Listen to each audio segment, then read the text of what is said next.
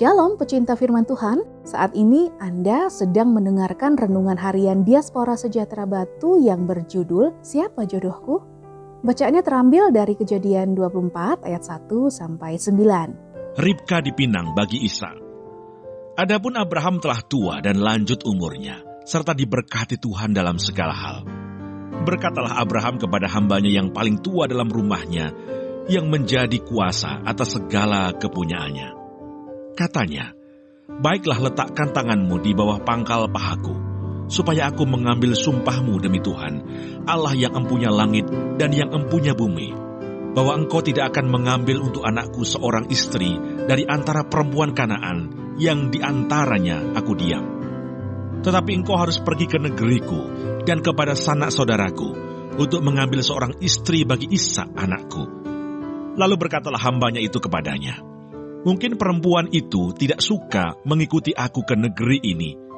Haruskah aku membawa anakmu itu kembali ke negeri dari mana tuanku keluar? Tetapi Abraham berkata kepadanya, Awas, jangan kau bawa anakku itu kembali ke sana. Tuhan Allah yang empunya langit, yang telah memanggil aku dari rumah ayahku, serta dari negeri sanak saudaraku, dan yang telah berfirman kepadaku, serta yang bersumpah kepadaku, demikian kepada keturunanmu lah akan kuberikan negeri ini. Dialah juga akan mengutus malaikatnya berjalan di depanmu, sehingga engkau dapat mengambil seorang istri dari sana untuk anakku.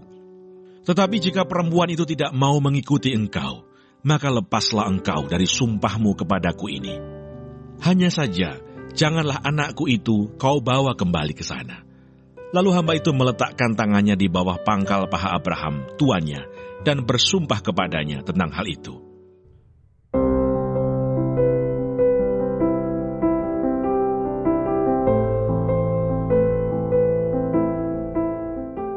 Tetapi engkau harus pergi ke negeriku dan kepada sanak saudaraku untuk mengambil seorang istri bagi Ishak anakku. Kejadian 24 ayat 4.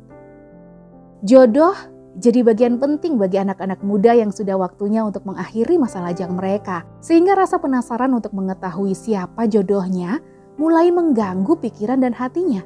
Di zaman ini seseorang biasanya memilih jodohnya sendiri. Namun dalam bacaan saat ini kita melihat bahwa Abraham turut ambil bagian dalam menentukan jodoh Ishak. Abraham memerintahkan hambanya untuk pergi mencari jodoh Ishak dari sanak saudaranya. Abraham memiliki alasan yang jelas bahwa sanak saudaranya setidaknya memiliki kepercayaan kepada Allah yang disembah oleh Abraham. Karena Terah, ayah Abraham telah memperkenalkan Allah pencipta langit bumi, Allah yang telah memanggil Abraham kepada anak-anaknya. Kesamaan kepercayaan menjadi syarat utama bagi wanita yang akan menjadi istri Ishak. Demikian juga dengan anak-anak Tuhan saat ini yang sedang mempertanyakan siapa jodohnya nanti. Syarat utamanya, dia harus anak Tuhan, mengenal Tuhan dengan baik, menjadi pelaku firman dan mengasihi Tuhan. Ini adalah syarat yang tidak bisa ditawar, sebab jodoh yang baik adalah orang yang akan menolong pasangan yang mengenal, mengasihi Tuhan, dan mengalami pertumbuhan rohani sehingga keserupaan dengan Kristus terwujud dalam kehidupan keluarga. Allah juga bisa memakai orang tua sebagai alatnya untuk mengerti siapa jodoh anak-anaknya. Tuhan Allah berfirman, "Tidak baik kalau manusia itu seorang diri saja.